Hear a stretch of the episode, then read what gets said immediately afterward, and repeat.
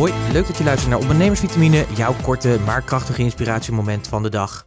En de vitamine die ik je vandaag weer mee wil geven in de vorm van inspiratievragen is: Is jouw businessmodel future-proof? Je hebt natuurlijk een bedrijf. Dus als je een bedrijf hebt, betekent ook dat je klanten hebt. En hopelijk heb je ook klanten die je betalen. Maar natuurlijk heb je dat. Die betalen natuurlijk voor je dienstverlening.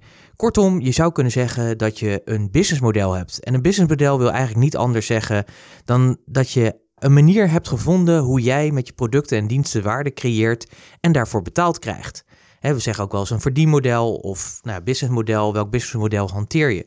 Het is eigenlijk een, ja, een, een simpele verklaring van hoe ja, hoe maak je geld eigenlijk? Maar zoals jij ook weet, je leeft natuurlijk in een wereld en een wereld die continu aan het veranderen is. Ik had het heel toevallig vandaag nog even met iemand over dat als je natuurlijk terugdenkt aan begin 1900, toen een beetje de industriële revolutie ontstond en nu we ruim een eeuw verder zijn, ja, wat enorme ontwikkelingen we zijn doorgegaan. En dat dus ja, bepaalde uh, businessmodellen dus niet meer werken hoe ze vroeger werkten. En dat dus bepaalde bedrijven dus ook niet meer bestaan, omdat zij dus niet de mogelijkheid hadden of de slimheid hadden om zich ja, mee te ontwikkelen in die veranderende wereld. Dus het is natuurlijk heel erg goed om je in, ja, in de gaten te houden dat de wereld aan het veranderen is. Dat weet je natuurlijk ook wel.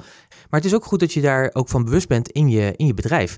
Ik kom toch nog wel eens regelmatig ondernemers tegen die zeggen: Ja, Pieter, weet je, vroeger was het gewoon veel makkelijker. Ik wist gewoon wat mijn klant wilde. Ik wist wie, ja, wie hij was en wat hij bezig hield. En daardoor kon ik heel goed mijn producten of diensten aanbieden. Maar met komst van onder andere internet en dat soort dingen is dat niet meer helemaal duidelijk. En zo werkt het ook gewoon. Dus ik wil je ook gewoon meegeven en adviseren. Ga minimaal één keer per jaar maar het liefst twee keer per jaar gewoon eens zitten om na te gaan. Wat zijn nou eigenlijk de trends die gaande zijn? Wat voor ontwikkelingen zie je in de markt op allerlei verschillende gebieden?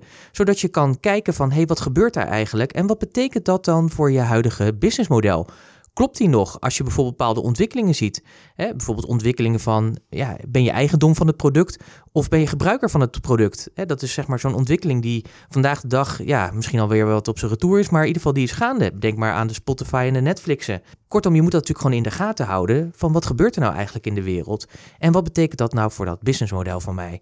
En het leuke is, is dat het eigenlijk ook wel heel erg gaaf is om te kijken van, ja, wat gebeurt er nou eigenlijk allemaal en hoe kan ik daarop aansluiten met mijn bedrijf en waarde leveren. Ik zou zeggen, pak dat op, ga ermee aan de slag, bekijk zeg maar de trends in jouw vakgebied en kijk eens wat dat betekent voor jouw businessmodel en pas desnoods je businessmodel daarop aan.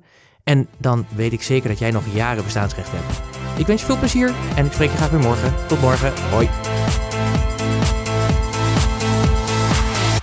Ondernemersvitamine is een onderdeel van de podcast Business Talk Zo, powered by Purst. Purst werkt voor ondernemers. Meer informatie, purst.nl slash podcast.